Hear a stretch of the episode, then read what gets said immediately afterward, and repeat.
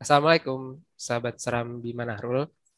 Hari ini kita akan sharing santai dengan salah satu teman saya, Jamhari Hidayat.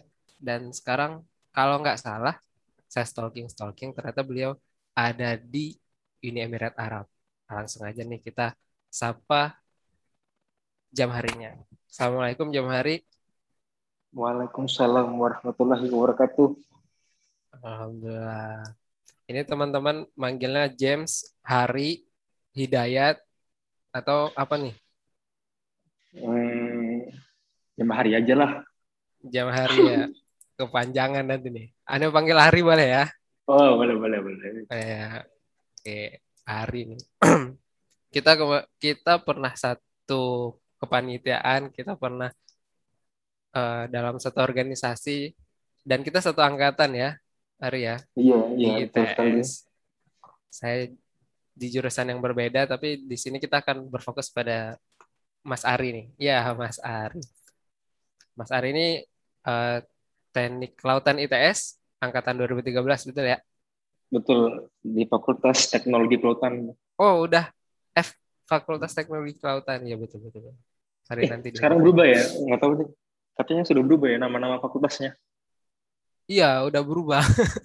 uh, saya kurang ah. update sih. Kayaknya berubah Mungkin, sih. Hmm. Iya, ya mungkin kita nantilah soan-soan soan-soan lagi ke ITS buat tahu nama-nama fakultasnya ya. Iya, iya betul. Ri, kamu di Uni Emirat Arab ya? Uh, iya, saya di Timur Tengah, tepatnya negara Uni Emirat Arab. Tepatnya di Kota Sarja. Mungkin uh, pernah dengar kali ya. Mungkin uh, di kita lebih familiar ini mungkin um, kota Abu Dhabi sama kota Dubai. Karena mungkin uh, betul nggak? Iya, kamu iya. kan kena lebih, lebih familiar kan sama dua kota ini kan? Ya mungkin karena um, memang uh, dua kota itu emang jadi pusat uh, destinasi tempat transit sama uh, wis wisatawan. Wisata wisata uh, Sarjah itu uh, kota lain di Uni Emirat Arab. Dari total tujuh kota lah. Uh, Saraja ini aku kerja di sini sama tinggal di sini. Kalau mau main kalau mau ke Dubai uh, setengah jam gitu. Abu Dhabi ke Dubai satu setengah jam. Itu sih sedikit perbedaannya. Hmm. Sarja ini airportnya di situ ya um, di Sarja ada juga sih airportnya cuman lebih sering dari Dubai sih kalau mau ke Indonesia oh. Oh gitu. Kirain hmm. kalau langsung mendarat di UAE, Uni Emirat hmm. Arab kita langsung ke Sarjah. Ternyata ke Dubai dulu ya. Enggak. walaupun walaupun ini kota dekat sama Dubai, Sarjah punya bandara sendiri karena ini kan saking eh, apa namanya tingginya apa ya um, dari berbagai negara kan untuk mampir ke negara ini kan sampai harus bikin airport juga di Sarjah gitu untuk negara-negara lain. Terus oh. um, sedikit uh, cerita unik sih mungkin uh, ini ya Dubai ini kan kota yang apa ya yang yang seperti kita lihat itu ya di media. Jadi saya terus terang uh, karena mungkin saya jarang jarang main ke Dubai gitu ya. Mungkin sebulan minimal sekali dua kali lah uh, ke Dubai. Itu setiap kali dari Sharjah ke Dubai itu seperti ke ke planet lain gitu. Terus terang aja ke planet lain gitu. Hmm. uh, gedung-gedungnya menjulang tinggi uh, orang-orangnya juga uh, udah udah seperti kayak di Eropa gitu.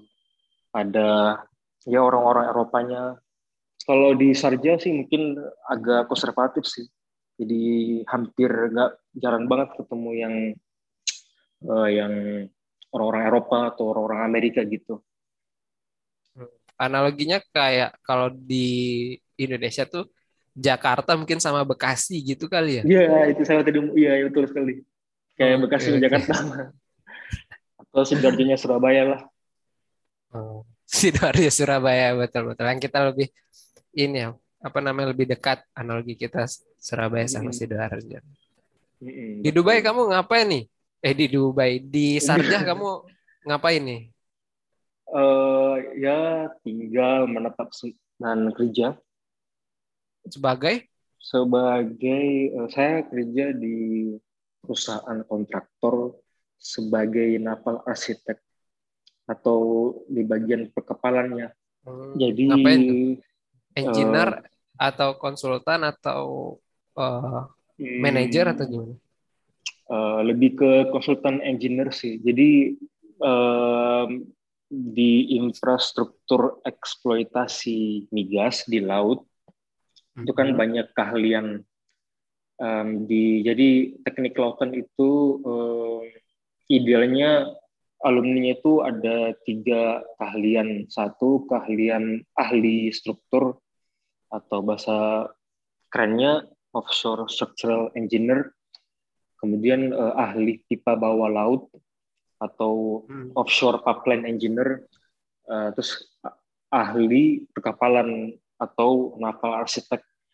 Uh, di apa di luar Indonesia sih kayaknya lebih familiar uh, naval arsitek untuk uh, spesifiknya apa yang saya kerjakan. Cuman kalau di Indonesia mungkin dia lebih familiar istilahnya marine engineer gitu, bukan naval arsitek gitu.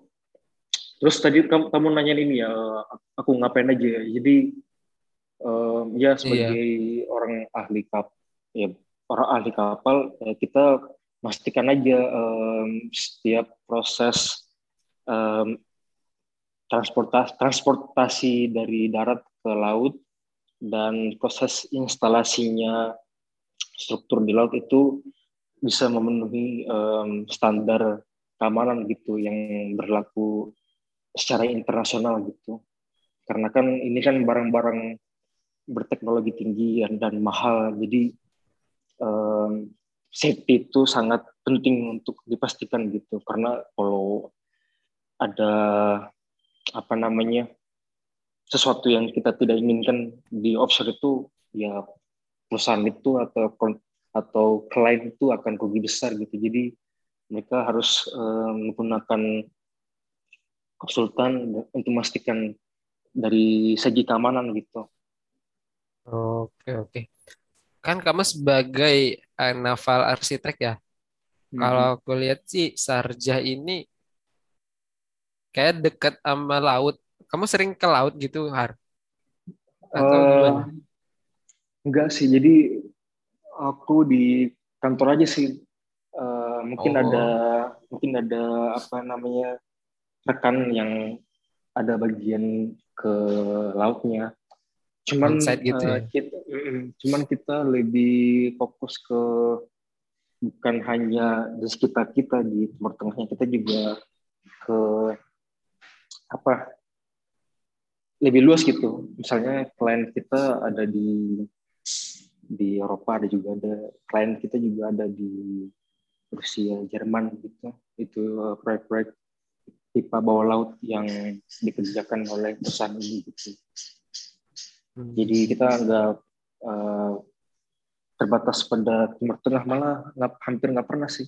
Yang di Timur Tengah kan kalau di peta sendiri kan lautnya kan uh, kecil kan dibandingkan uh, di luar sana gitu. Oh, ya. eh ini berarti kamu ini salah satu engineer ya. Aku baru baca sih, baru baca artikel di Indonesia kalau kalau di Indonesia itu ada sekian persen, hanya sekian persen engineer itu bekerja di bidangnya. Nah, berarti kamu adalah salah satu engineer yang bekerja di bidangnya gitu ya. Ya kan ya? Kamu kuliah di ya. jurusan teknik kelautan, lanjut ke naval arsitek sebagai konsultan. Hmm. Ya, nah, benar sih dan apa dan ya alhamdulillahnya dan ya masya Allah ya apa um, bisa beruntung bisa pekerjaan masih selinear gitu sama jurusan saya di teknik lautan dan apa dan saya juga selama di teknik lautan cukup passion gitu dengan bidang apa yang saya geluti dan bidang yang saya geluti dulu di kuliah uh, sangat uh, nyambung apa yang saya kerjakan sekarang gitu. Nah, tapi ya. uh, hmm. Hmm. Uh, kamu bilang kamu sangat passion. Sebenarnya aku penasaran, kenapa sih awalnya nih kita balik lagi mungkin flashback udah kamu udah cerita tentang kamu di Uni Emirat Arab Tapi aku pengen tahu nih, awal mula kenapa kamu memilih jurusan teknik kelautan itu? Hmm, jadi dulu di SMA saya pengen banget masuk ke teknik metalurgi dan material kan. Mm-hmm. Uh, dan waktu itu saya pilihan pertama sih teknik metalurgi material UI, terus kedua statistika ITS kan. Terus saya akhirnya keterima di statistika ITS. Ya alhamdulillah waktu itu kan. Cuman uh, setelah satu tahun di sana kurang seret kan. Padahal sebenarnya kalau dilihat sekarang wah statistika uh, jurusan yang paling ini paling bagus lah, paling tinggi ininya uh, yang dibutuhkan saat ini baik di Indonesia maupun di luar Indonesia gitu. Dan apa sesuai trennya sesuai seperti ya, teman-teman IT yang lain yang semakin naik gitu. Cuman waktu itu kuliahnya ya kurang seretnya lebih ke nggak bisa ini menyesuaikan dengan matematikanya yang murni gitu. Terus um, ada setiap semester itu ada mata kuliah programming gitu, yang mana otak saya itu nggak nggak masuk gitu, susah uh, susah mencerna gitu. Programming kan logikanya kan harus ini harus dipakai gitu dan ya butuh IQ yang lumayan untuk bisa mencerna programming itu. Ya lebih ke dua hal itu sih ya akhirnya kan di tahun berikutnya saya coba-coba lagi kan um, berbagai tes di UI, di UGM, di SBM, ITS juga untuk uh, teknik metalurgi material kan. Tapi uh, akhirnya takdir sepertinya tidak uh, apa namanya mengatakan kalau bukan jodoh saya mungkin di teknik metalurgi material. Singkat cerita akhirnya di teknik kelautan pilihan ketiga yang itu kayak nggak tahu mau pilih apa gitu di pilihan oh. ketiga. Gitu. Yeah, yeah. Udahlah Bismillah aja uh, teknik lautan gitu.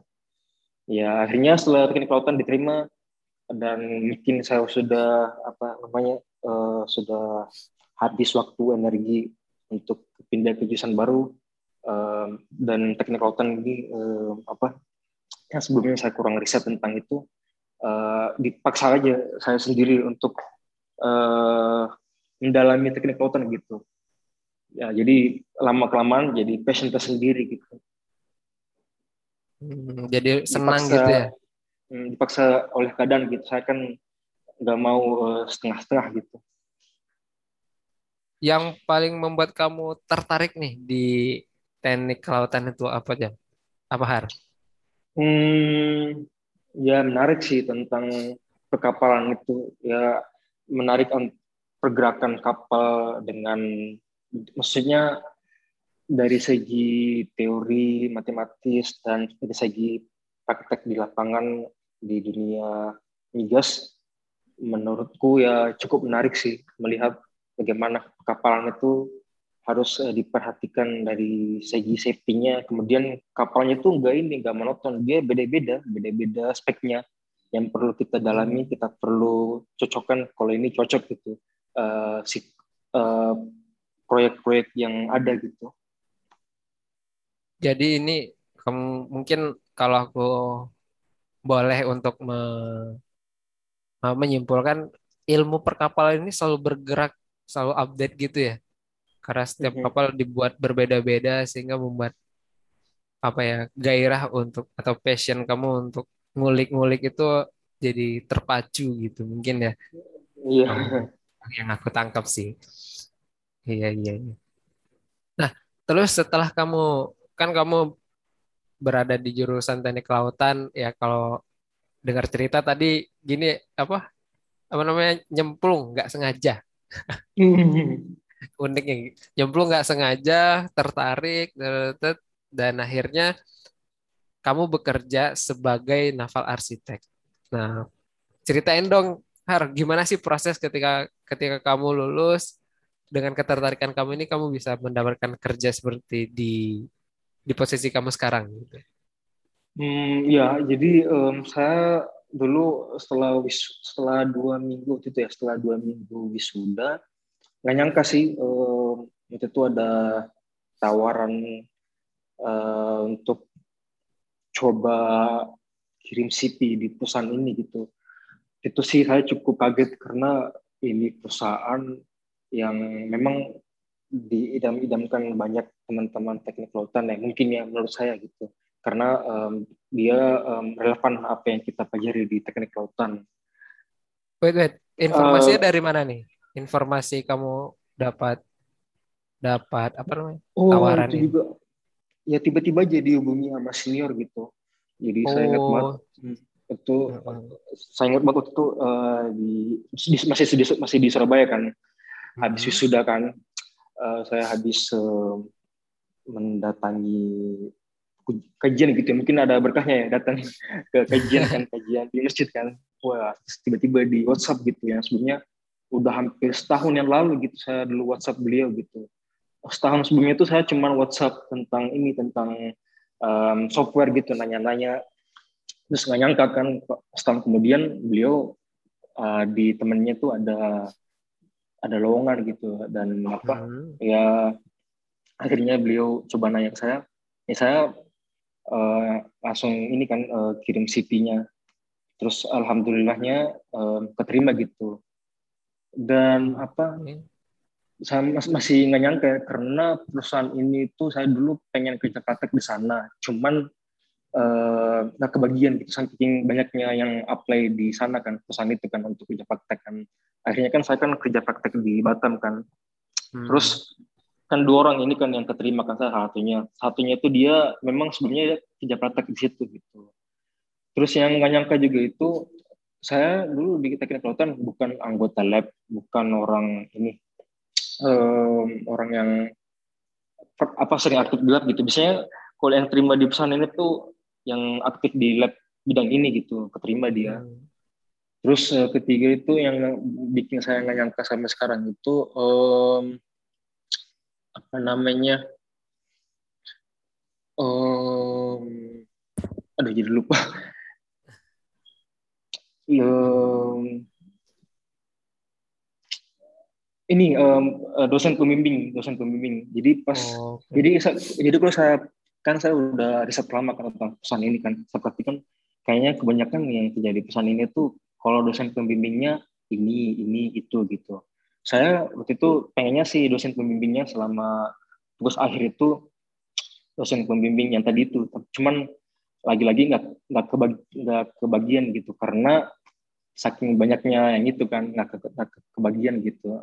Uh, teman saya ini satunya yang keterima ini memang dia kerja praktek di sana. Terus kedua dosen pembimbingnya um, yang itu yang tadi itu keterima. Kalau jadi eh, nggak uh, nyangka sih mungkin uh, ya namanya rezeki kan penuh misteri ya. Kita nggak pernah tahu kan. Walaupun waktu kerja waktu yang kerja praktek di sana ada banyak gitu. Tapi kok saya yang notabene punya prakteknya di Batam bisa kepanggil gitu kerja di perusahaan itu di di BSD sebagai konsultan marine engineer atau napa arsitek.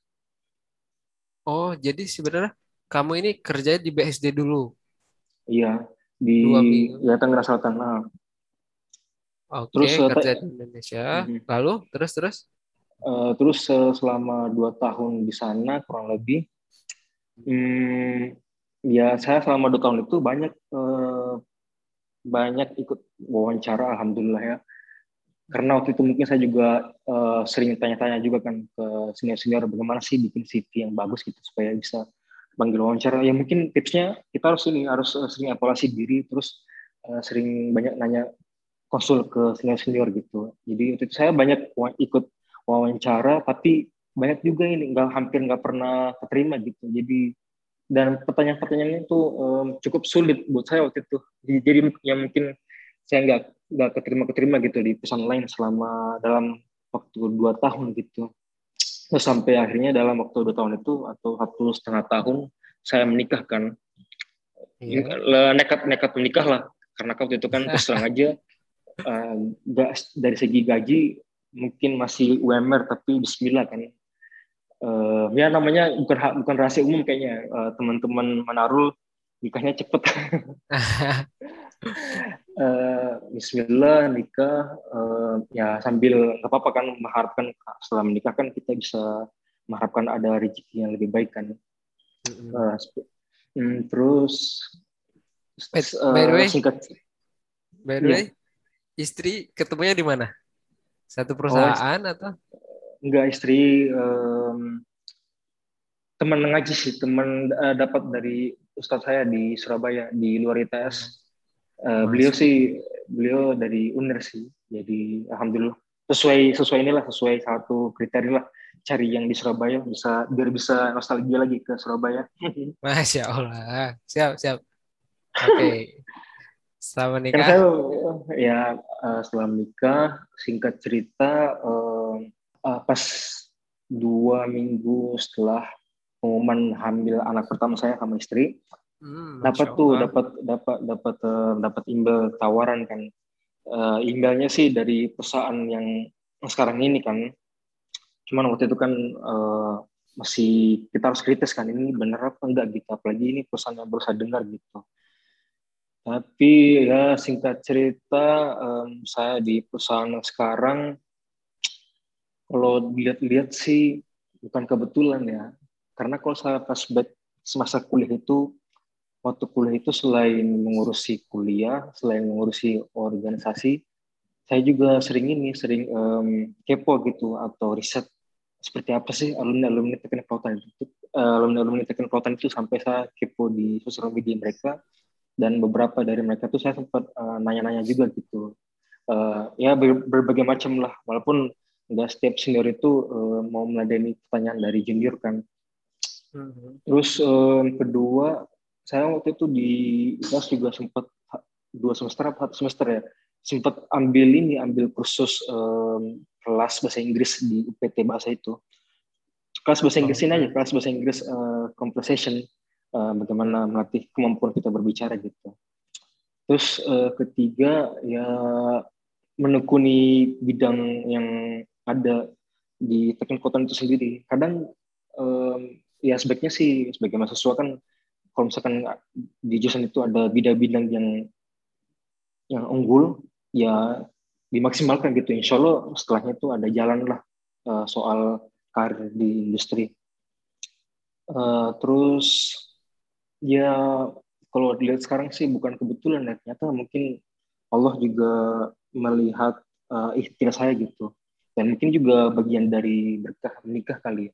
Setelah Asya. dua tahun dua tahun kerja di perusahaan sama dan, dan belum dapat uh, belum dapat tawaran gitu di perusahaan lain gitu.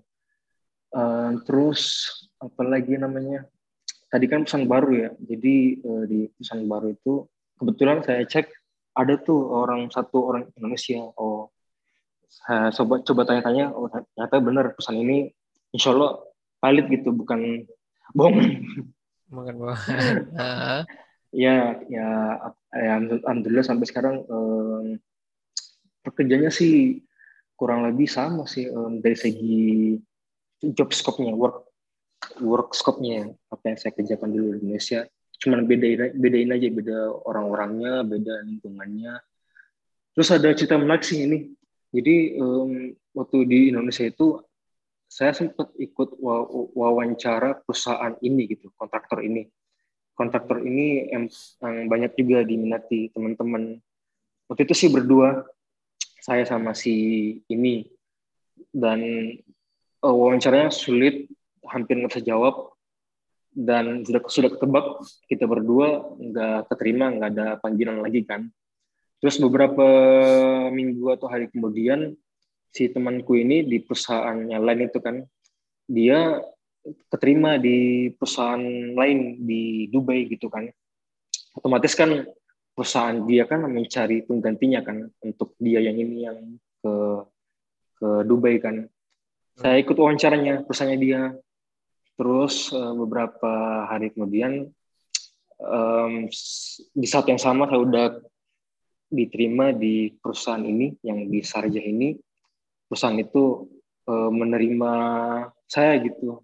Saya bilang mohon maaf, saya sudah ini oh, sudah, sudah terima di perusahaan lain gitu. Wah, cukup unik sih. Uh, akhirnya kita berdua, akhirnya aku sama dia yang sama-sama teknik lautan uh, ke ini ke sini dia di Dubai aku di Sarjah gitu uh, unik sih um, terus uh, sayangnya sih karena pandemi tahun kemarin dia kena ini sih kena ya harus pulang ke Indonesia lah setelah setahun. Mungkin karena perusahaannya yang besar gitu ya. Kalau saya kan perusahaannya relatif menengah gitu jadi uh, aman gitu atas uh, krisis pandemik kemarin gitu. Tapi har uh, perusahaannya terdampak? Ada pengurangan atau baik-baik saja uh, sejauh ini sedikit sih uh, sampai sekarang sih udah mulai agak stabil sih seperti perusahaan-perusahaan lain udah mulai post covid udah mulai sedikit berangkat naik sih. Hmm, ya. Eh lupa nih tadi ini kan jam hari udah menikah dan anak istri dibawa ya tentu dibawa dong ke sarjana. Ya, alhamdulillah. Uh, oh. Ya dibawa setelah hampir uh, setahun lebih lah. Itu kan oh. Istri istri kan masih mengandung kan jadi uh, waktu, itu, waktu itu juga anak masih masih bayi belum bisa dibawa ke mana-mana. Ya alhamdulillah setelah melihat sikon bisa dibawa akhirnya. Sehat ya? Anak istri sehat? Alhamdulillah. Sehat, Alhamdulillah.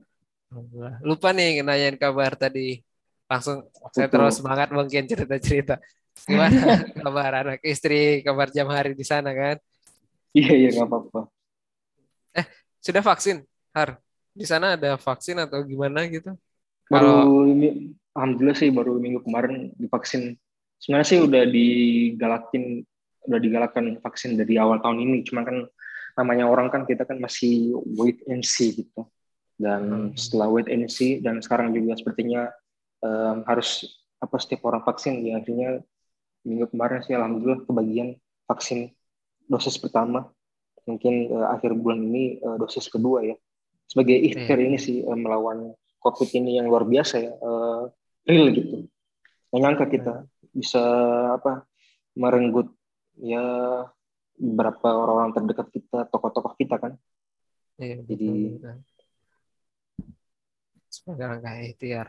Kalau di Uni Emirat Arab tuh gimana nih perkembangan COVID sekarang? Kalau di uh, Indonesia kan kita mengalami naik lagi gitu.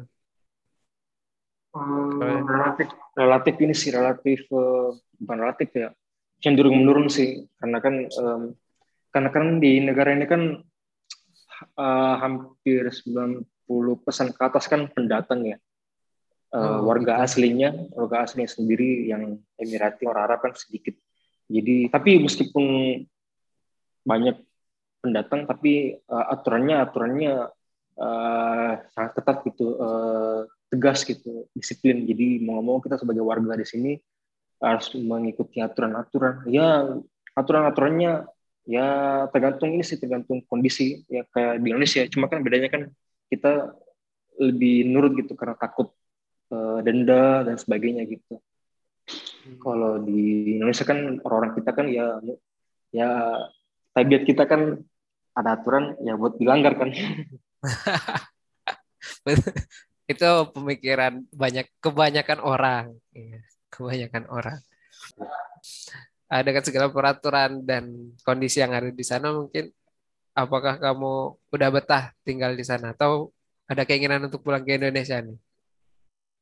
Hmm, bukan lebih agak kurang suka sih pertanyaannya betah atau gimana ya? Ya saya sih di sini um, uh, gak ada masalah sih karena kita kan muslim ya di negara ini kan hmm. juga mayoritasnya muslim uh, dan jadi um, ada masjid, ada ada makanan-makanan halal dan akses untuk ke tempat-tempat yang bagus itu mudah gitu. Jadi alhamdulillahnya bisa menyesuaikan diri gitu di sini. Cuman uh, kalau makanan, dari kalau makanan sih mungkin yang kurang ya, karena sulit untuk di sini ketemu bahan-bahan yang secara spesifik dan menu-menu makanan Indonesia gitu seperti yang ada di Indonesia gitu. Mungkin itu aja sih dari segi makanan dan apa namanya jauh dari keluarga sih. Ya masalah-masalah klasik kita kan kalau misalkan kuliah di luar negeri pasti keluarga dan makanan itu yang jadi masalah. Hmm. Makanan paling rindu apa tuh? Har. Wah, mungkin saya kan orang Sulawesi ya, jadi makanan yang dirindukan soto Makassar. Jatuh Makassar ya. ya. Oh, tadi saya lupa sih hmm. tadi sih saya lupa tadi menjawab bagian uh, terkait tentang masuk ke eh uh, tentang ini tentang bisa dapat kesempatan kerja di luar negeri ya. Jadi saya waktu kuliah itu udah merencanakan gitu habis kuliah seperti apa. Bahkan hmm. saya udah rencanakan um, inginnya tuh setelah S1 di Indonesia teknik kekuatan pengennya S2 di luar kan. Tapi uh, masya Allah bisa apa ya?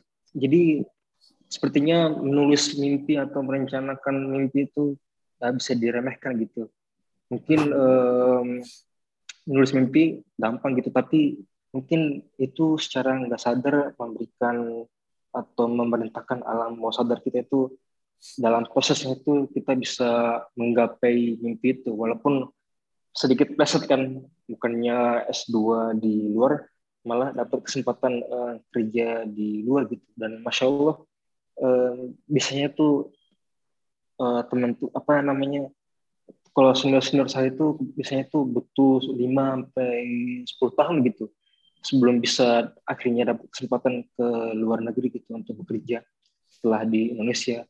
Ya mungkin sekarang kan eranya disubsidikan mungkin yang muda-muda jadi alhamdulillah saya yang dua tahun bisa dapat kesempatan begitu. Gitu sih. Jadi kalau ini mahasiswa yang mendengar uh, ya baiknya direncanakan dan ditulis kita kan nggak tahu seperti apa ke depan apakah mimpi ini akan dijawab atau enggak seperti ini kan seperti yang kemarin pemain bulu tangkis kita yang menang medali emas kan medali emas di Olimpiade Tokyo. ya, dan sempat heboh kan kalau hampir 10 tahun lalu kan dia sempat menulis mimpi itu kan menjadi juara dunia kan dan iya, dijawabkan betul betul. Masalah sekali kekuatan untuk menuliskan mimpi. Setuju sih sama uh, kalimat itu sih. By the way, mungkin dah kan kamu kerja nih di Uni Emirat Arab. Mungkin nggak untuk kuliah juga di situ? Kerja hmm, sambil kuliah atau gitu. Kayaknya sih di sini teman-teman Indo atau teman-teman engineer di kantor nggak terlalu sih lebih prefer kuliahnya di negara sendiri sih. Soalnya kalau di sini kuliahnya juga jurusannya nggak nggak apa nggak banyak sih cuman jurusan-jurusan umum sih kalau aku perhatikan. Mending mending uh, mending kalau mau kuliah tergantung jurusan atau bidangnya gitu dan cari negara mana atau univ mana yang itu bagus di bidang itu gitu. Iya. Oh ya, kan mungkin yang dengerin yang dengerin mungkin nggak cuman dari segi yang nggak cuma dari teknik kelautan nih. Pengen tahu juga dong nih dari segi mungkin dari engineer-nya atau dari uh, environment uh, saintisnya di situ gimana tuh? Apakah Indonesia punya kesempatan untuk meniru atau lebih baik kita belajar ke sana dulu atau seperti apa? Kalau menurut pandanganmu?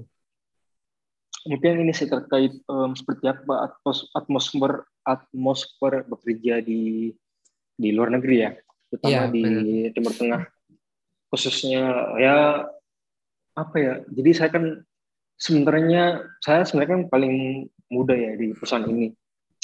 Dan apa ternyata setelah hampir saya di sini dua tahun kita bisa kok berkompetisi sama yang lain gitu. Dan ilmu kita itu nggak kalah gitu sama mereka walaupun uh, mereka uh, senior-senior gitu. Bukan karena ini ya bukan karena saya saya hanya yang pintar gitu tapi hmm. ternyata apa yang saya dapat kuliah dan kerja di Indonesia itu um, bisa gitu bisa dipakai untuk um, dipakai untuk uh, bekerja secara tim berkompetisi uh, di lingkungan kerja kita gitu dengan teman-teman yang lain dari India, dari orang-orang Eropa lain gitu. Kita bisa nyambung gitu. Asalkan bidang itu memang uh, betul-betul um, betul-betul memang bisa kolaborasi dengan bidang-bidang yang lain di lingkungan kerja itu gitu.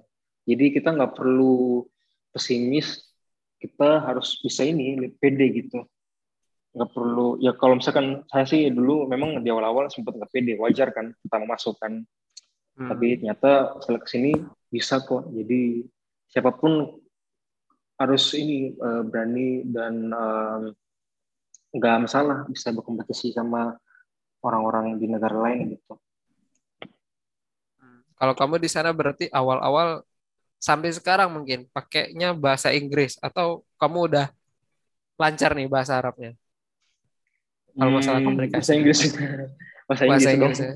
Oh, okay. Dan okay. bahasa Inggris saya ini ya, bahasa Inggris saya TOEFL-nya enggak TOEFL-nya enggak ini enggak apa di di atas minimum seperti yang TOEFL-nya orang-orang teman-teman kuliah S2 di luar negeri gitu. Bahkan TOEFL saya terakhir itu masih jauh di bawah minimum gitu. Jadi yang penting itu kita harus berani pede untuk ngomong dalam bahasa Inggris gitu dan nggak perlu lancar-lancar amat gitu yang penting hmm. ya tergantung isi tergantung, tergantung pekerjaan sih kalau teknik kan ya nggak usah terlalu banyak ngomong lah ya perlu banyak ngomong sih cuman nggak sebanyak ngomong orang-orang yang mungkin teman-teman yang bekerja di bidang sosial kan hmm, mungkin yang di marketing itu mungkin banyak ngomong gitu ya itu baru baru mungkin harus lancar bahasa Inggrisnya oh iya iya Engine mah banyak ngomong, ntar malah ditendang lah dia. Banyak iya, ngomong kamu. Buktikan iya. aja gitu. Buktikan aja. Terus terus terang sih saya selama hampir enam bulan atau tahun pertama itu seperti uh, di kader gitu di kantor itu. Dan untungnya dan memang um, apa ya um, di kantor itu nggak ada senioritas, nggak ada apa istilahnya uh, ya macam-macam lah. Tapi kalau kita nggak mengerti kita diajarkan gitu kita diskusi gitu. Jadi bahkan dipandu gitu bahkan. Dan alhamdulillah gitu sih di kantor saya itu. Kadang-kadang ada hal yang nggak dimengerti dikasih tahu step by stepnya seperti apa. Terus dari segi spesifiknya misalnya cara menghitung ini itu begini terus cara email yang benar itu seperti apa begini gitu email ke klien email ke teman kantor sendiri email ke direktur perusahaan seperti apa. Jadi diajarkan gitu. Jadi semuanya uh, apa ya saling belajar gitu. Bahkan kadang juga um, saya mungkin masih muda junior mereka juga belajar gitu dari pengalaman saya gitu. Yang mungkin mereka ada yang nggak tahu gitu yang itu ya itu yang bikin sampai sekarang saya bisa survive gitu, masih bisa menyesuaikan karena harus terus belajar. itu. Mhm. Harus terus belajar terus ya, terus menyesuaikan diri. Apalagi sekarang teknologi, apalagi sekarang ya apalagi mhm. pandemi ini harus kita benar-benar harus pintar untuk menyelesaikan diri lah. Hmm. Harus ini harus proaktif, jangan disimpan sendiri. Karena orang-orang juga di kantor terbuka gitu. Uh, walaupun kita bukan orang yang suka membahas kehidupan pribadi tapi asalkan kita mau terbuka terkait pekerjaan kita insya Allah itu bisa dibahas bisa kita diskusikan gitu. Jadi nggak perlu malu lah nggak perlu ini itu iya iya. Yang penting berani dulu ya kalau mm -hmm. salah bisa diperbaiki asal jangan buat Betul. aja. Iya saya saya enam bulan pertama tahun pertama banyak salah gitu. Tapi ya alhamdulillahnya orang-orang mengerti gitu. Ngerti kondisi saya yang masih muda. Iya, iya, iya. pernah dimarahin jam um, di awal-awal sih sempat sih marah-marah. Tapi setelah itu udah nggak pernah lagi. Udah seperti kayak di, udah mengerti gitu. Itu dibentak Karena, atau gimana dimarahinnya ya, atau cuma disindir-sindir aja. Uh, sebenarnya sih nggak cuma saya doang sih yang apa yang yang junior tapi ada juga beberapa yang senior senior juga dibentak sekali dua kali. Tapi sekarang sih udah nggak pernah lagi sih apalagi dalam masa krisis ini gitu. Nanti yang bentak-bentak kena covid nanti. Kan nggak boleh stres kita kan nggak boleh turun imun kita. Oh, iya. Ini dapat ini nih ada pertanyaan dari Twitter. Iya, dari Twitter ada pertanyaan yang masuk ya. Ini Har, di kantor apakah mayoritas Islam atau Timur Tengah atau mayoritas justru orang Barat? Hmm. Oh, jadi um, kalau dari segi lingkungan apa tempat tinggal mayoritas Muslim. Tapi kalau di kantor um, kebetulan sih kantor saya yang muslim cuma saya kan Oh, Oke. yang lainnya ya, ya agama agama lain kan. Cuman em, saya sih diberi kebebasan untuk beribadah gitu. Jadi saya jadi zuhur asar saya keluar aja dari kantor keluar aja dari kantor cari masjid terdekat. Mereka udah ngerti gitu. Malah eh, mereka kadang-kadang bukan kadang-kadang sih pernah kali dua kali diingatkan gitu. Karena waktu itu kan overtime kan eh, diingatkan jadwal buka gitu ya jadi saling toleran lah kita di kantor saling mengerti gitu. Kalau di ada masalah. kalau di sana tuh berapa jam kerja? hmm, ya 8, 9 jam sih. 9 jam 9 ya.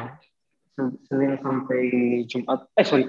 Dari eh, di sini sih bedanya karena ini kan mayoritas Muslim jadi kerjanya dari hari Ahad sampai hari Kamis gitu. Jadi weekend hari Jumat dan Sabtu gitu jadi mayoritas Muslim supaya bisa Oh, fokus hari Jumat gitu oh iya iya. Sabtu. Oh berarti hari ini libur ya hari pertama weekend. Mhm, iya.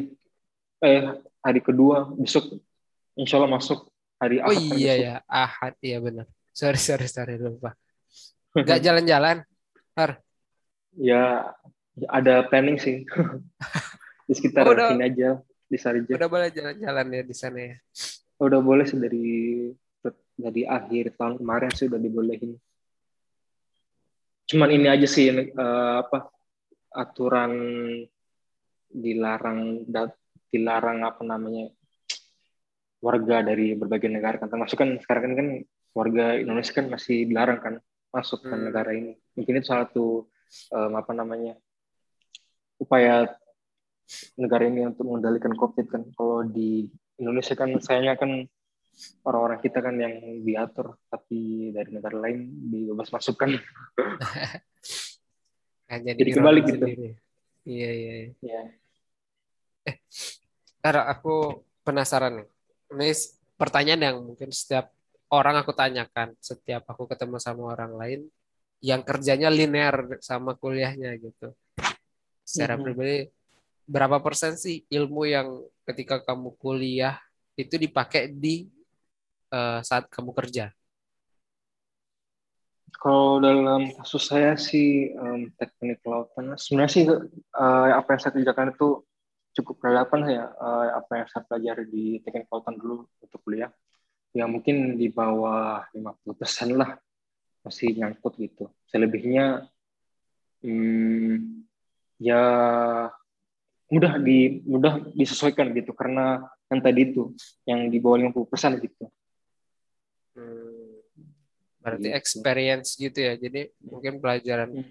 bener nggak kalau aku bilang Iya. pelajaran kuliah 40% terus sisanya tuh Iya, kamu harus belajar sendiri lagi gitu. Hmm, betul Explore lebih jauh lagi gitu kan ya. Iya, Tapi iya. kalau saya boleh beri pesan sih kalau buat teman-teman yang lagi kuliah, sebenarnya eh, terlepas nanti kita seperti apa karirnya pasca kampus, tapi kalau kita insya Allah berusaha maksimal kuliahnya, berusaha maksimal so- apa namanya eh, kegiatan selain kuliah untuk meningkatkan soft skill, itu pasti akan berpengaruh gitu, berpengaruh nanti pasca kampus, mau itu nanti linear maupun enggak linear, nanti akan sangat terbantu kan. Karena kan di kuliah kan kita kan sudah dilatih cara berpikir kita dilatih cara kita berkomunikasi dan berbagai macam kan jadi nggak ada yang sia-sia gitu setuju nggak setuju, setuju. Berarti, oh ya, aku pengen ini nih, kan tadi eh, kamu sempat meskipun linear nggak linear. Nah, nah, aku penasaran, kamu kan juga ikut organisasi kan ya? Ada Hmm. beberapa organisasi lah ketika di ETS gitu. Nah, apakah pengalaman organisasi itu membantu kamu nih? Dia Hmm, juga sangat membantu kamu di dunia kerja gitu. ya sangat membantu pastinya dan dari segi komunikasi karena kan kita di dulu kan organisasi kan kita dituntut untuk proaktif dalam komunikasi terus kita dituntut untuk pintar manajemen waktu sendiri kan manajemen waktu kita kuliah organisasi kemudian manajemen waktu kita uh, apa namanya spiritual ibadah kita seperti apa dari berbagai kesibukan kan. Jadi dengan begitu pasca kampus apalagi nikah itu akan sangat sangat terbantu gitu. Karena kan kita sudah berupaya maksimal gitu pada saat kita kuliah atau jomblo gitu. Kita sudah bisa untuk maksimal produktif gitu. Jadi pada saat kita nikah maupun kerja yang begitu yang otomatis kan menambah berbagai faktor kesibukan kita dalam sehari yaitu sangat membantu insya Allah. Kalau aku kalau penyimpulin memang perlu banget ya keseimbangan antara uh, kuliah juga kemampuan untuk berkomunikasi itu kemampuan komunikasi tentu nggak cuma kita dapatkan dari uh, proses perkuliahan ya sih bisa mm -hmm. juga dari berorganisasi itu kayak kamu tadi kan dapatnya uh, berkomunikasi dan apa mens, mencoba untuk menstrukturisasi kegiatan kamu dalam pekerjaan. That's good point sih menurut aku. Uh, Nah, mungkin aku langsung agak patah nih ya, agak patah karena nama karena nama podcast kita itu kan Serami Manarul nih. Nah, kita tuh pengennya pengen tahu nih uh, pendapat jam hari atau apa sih yang jam hari rindukan dari masjid kita tercinta dari Wah. Manarul. Wah luar biasa ya masjid Manarul ini itu uh, pusat setiap orang habis dari berbagai aktivitas di kampus ya pokoknya yang paling berkesan sih kalau ditanya apa sih yang paling berkesan di Manarul itu ya ya setiap rapat dan apa event-event atau belajar agama di Menarul sih. Lebih spesifiknya misalnya ramadan di kampus ya itu sih kayaknya hampir semua teman-teman panitia alumni sepakat sih ya kegiatan RDK atau ramadan di kampus berkesan gitu. Selama sebulan terus event-event um, akbar yang bertema kajian Islam dan sebagainya juga nggak kalah menarik juga kalau diingat-ingat bagaimana kita dulu ya rapat terus um, apa namanya terus um, kita harus menyeimbangkan dengan kuliah kan yang kita harus juga nggak boleh ketinggalan untuk uh, apa namanya memenuhi ekspektasi orang tua di samping event-event yang cukup besar terus tapi sebenarnya sih secara pribadi yang paling apa namanya paling membekas sampai sekarang itu mungkin dari segi mentoring sih. Mentoring kan kita kan uh, belajar um, Islam ya, dan juga kajian-kajian yang ada di sana sih. Karena kan um, saya sih beberapa waktu lalu sempat uh, lihat ada video wawancara dari seorang ahli gitu ya.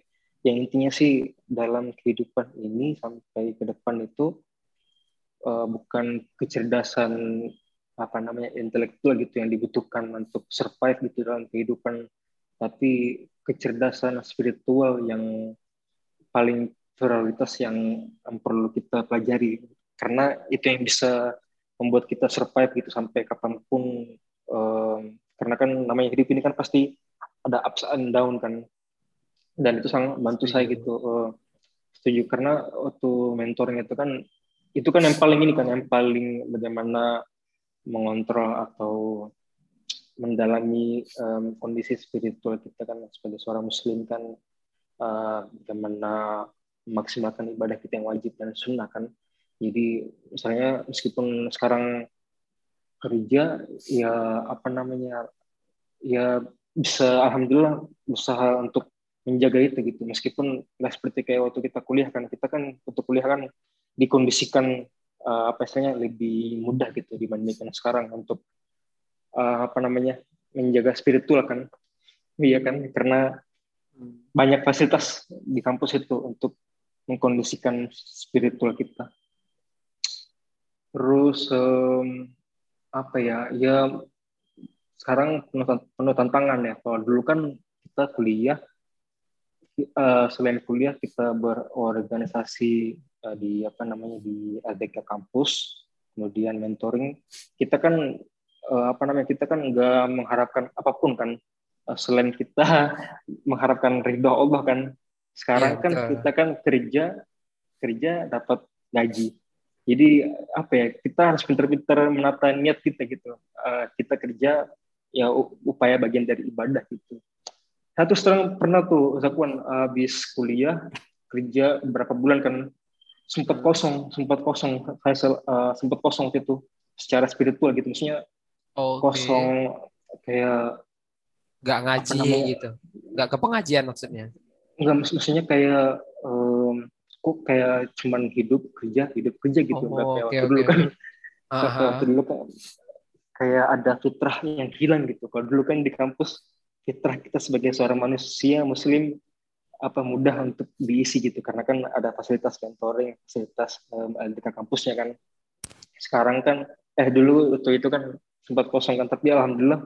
Waktu itu ya alhamdulillah akhirnya setelah ikut berbagai ada pengajian-pengajian kan yang yang umum kan dibuka kan. Waktu itu kan di Jakarta ikut. Ya alhamdulillah perlahan-lahan um, terisi gitu. Terus sekarang ya adanya menikah ya apa namanya secara nggak langsung secara nggak sadar itu juga menuntut kita untuk menjaga spiritual gitu. Jadi udah alhamdulillah nggak nggak kosong seperti kayak waktu dulu itu. Kalau dulu kan kita kan waktu kuliah kan hampir setiap minggu kan ada mentoring kan. Seperti kayak kita dicas gitu ya nggak sih? Iya setuju aku. Tapi aku penasaran ini uh, kamu kan bilang uh, gimana sih bentuk pengajian di sana di sana ada nggak sih kajian gitu kajian ilmu hmm, di Universitas ya. kayaknya sih hampir nggak ada ya. dia kayak di dia kayak fokus di universitas yang memang itu um, pendidikan agama gitu karena kayaknya negara ini kayak apa ketat gitu untuk aktivitas, aktivitas pengajian gitu. Takutnya ya seperti kayak di Indonesia lah. Apa namanya? Seperti sekarang ini apa Indonesia sekarang ini terhadap apa namanya aktivitas pengajian itu itu udah di negara ini gitu dari dulu gitu. Jadi kayak nggak bebas gitu pengajian. Di sini tuh udah kayak apa fokus ibadah di masjid aja gitu nggak ada pengajian sih nggak nggak sebebas di Indonesia makanya kita bersyukur tuh di Indonesia kita bisa ngadain berbagai macam pengajian dari berbagai macam kelompok gitu. Cuma sayangnya sekarang kayaknya sama pemerintah ini kan di apa namanya dikurangi lah. Berarti ini jam eh jam. Aku kebiasaan. James sih aku kebiasaan dulu kan begini kamu James. Sorry sorry. Mungkin ya, karena kita nggak lama ketemu ya, jadi lupa-lupa sama Enggak. ya. Uh, oh, berarti kamu gimana sih cara kamu dapatin asupan spiritual itu? Selain oh. kan kamu menikah tadi gitu. Jadi hmm. tuntutan hmm. tentu harus ada input dong, harus ada hmm. mungkin nasihat-nasihat gimana cara kamu dapatinnya di sana. Pertanyaan menarik sih. Uh, ya mungkin sih kalau ya sebagai suami kan kita pasti sadar dong kita sebagai pusat ini kan sebagai pusat di keluarga kita gitu jadi mau nggak mau kita maksa diri untuk memberikan keteladanan gitu. Jadi mau nggak mau kita harus belajar nggak boleh berhenti belajar.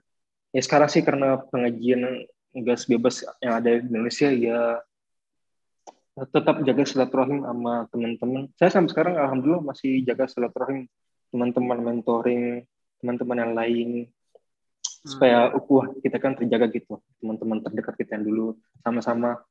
Terus ya seperti yang kita tahu kan sekarang kan era digital jadi mudah sekali kita untuk menemukan apa namanya kajian-kajian Islam secara online gitu. Jadi alhamdulillah itu cukup terbantu sih. Um, terus buku-buku buku-buku sih. Jadi Dari kita berusaha buku-buku. Sekarang adanya anak jadi tentang tersendiri nih. Namanya anak kan masih kecil kan ya kita harus menemani main kan. Ya hmm. insya ya biasanya sih kalau tidur baru kita bisa untuk maksimalkan manfaat untuk hal-hal um, positif gitu oh gitu okay. sih oke ini udah kira-kira udah hampir satu jam kita ngobrol nih Har banyak Hmm.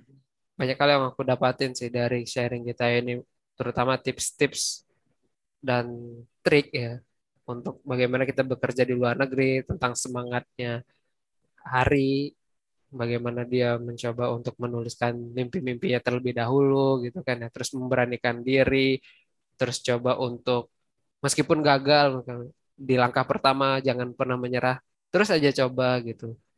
Jangan pernah menyerah intinya. Sampai kamu ketemu keberhasilan pun kamu jangan pernah melupakan kalau kamu tuh berjuang masih tetap harus berjuang gitu.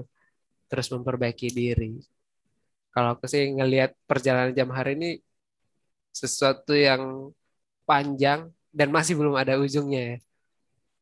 Masih harus terus berjuang kalau kalau kalau dari hasil sharing ini ngelihat bagaimana perjuangannya di Uni Emirat Arab bagaimana dia mengisi kekosongan. Ya kekosongan. Itu sih kalau aku dapat mungkin ada tambahan mungkin harus tips trik mungkin yang ketinggalan. Hmm, mungkin sebagai penutup kali ya. Ah, Ya mungkin ini sih namanya rezeki kan ini kan penuh misteri yang kalau kita dapatin sekarang ya melihat teman-teman yang lain nyata memang rezeki itu penuh misteri gitu. Tapi yang paling penting itu eh, kita terus berikhtiar maksimalkan yang ada misalnya di jurusan kita ada bidang-bidang yang unggul ya kita maksimalkan apa yang ada.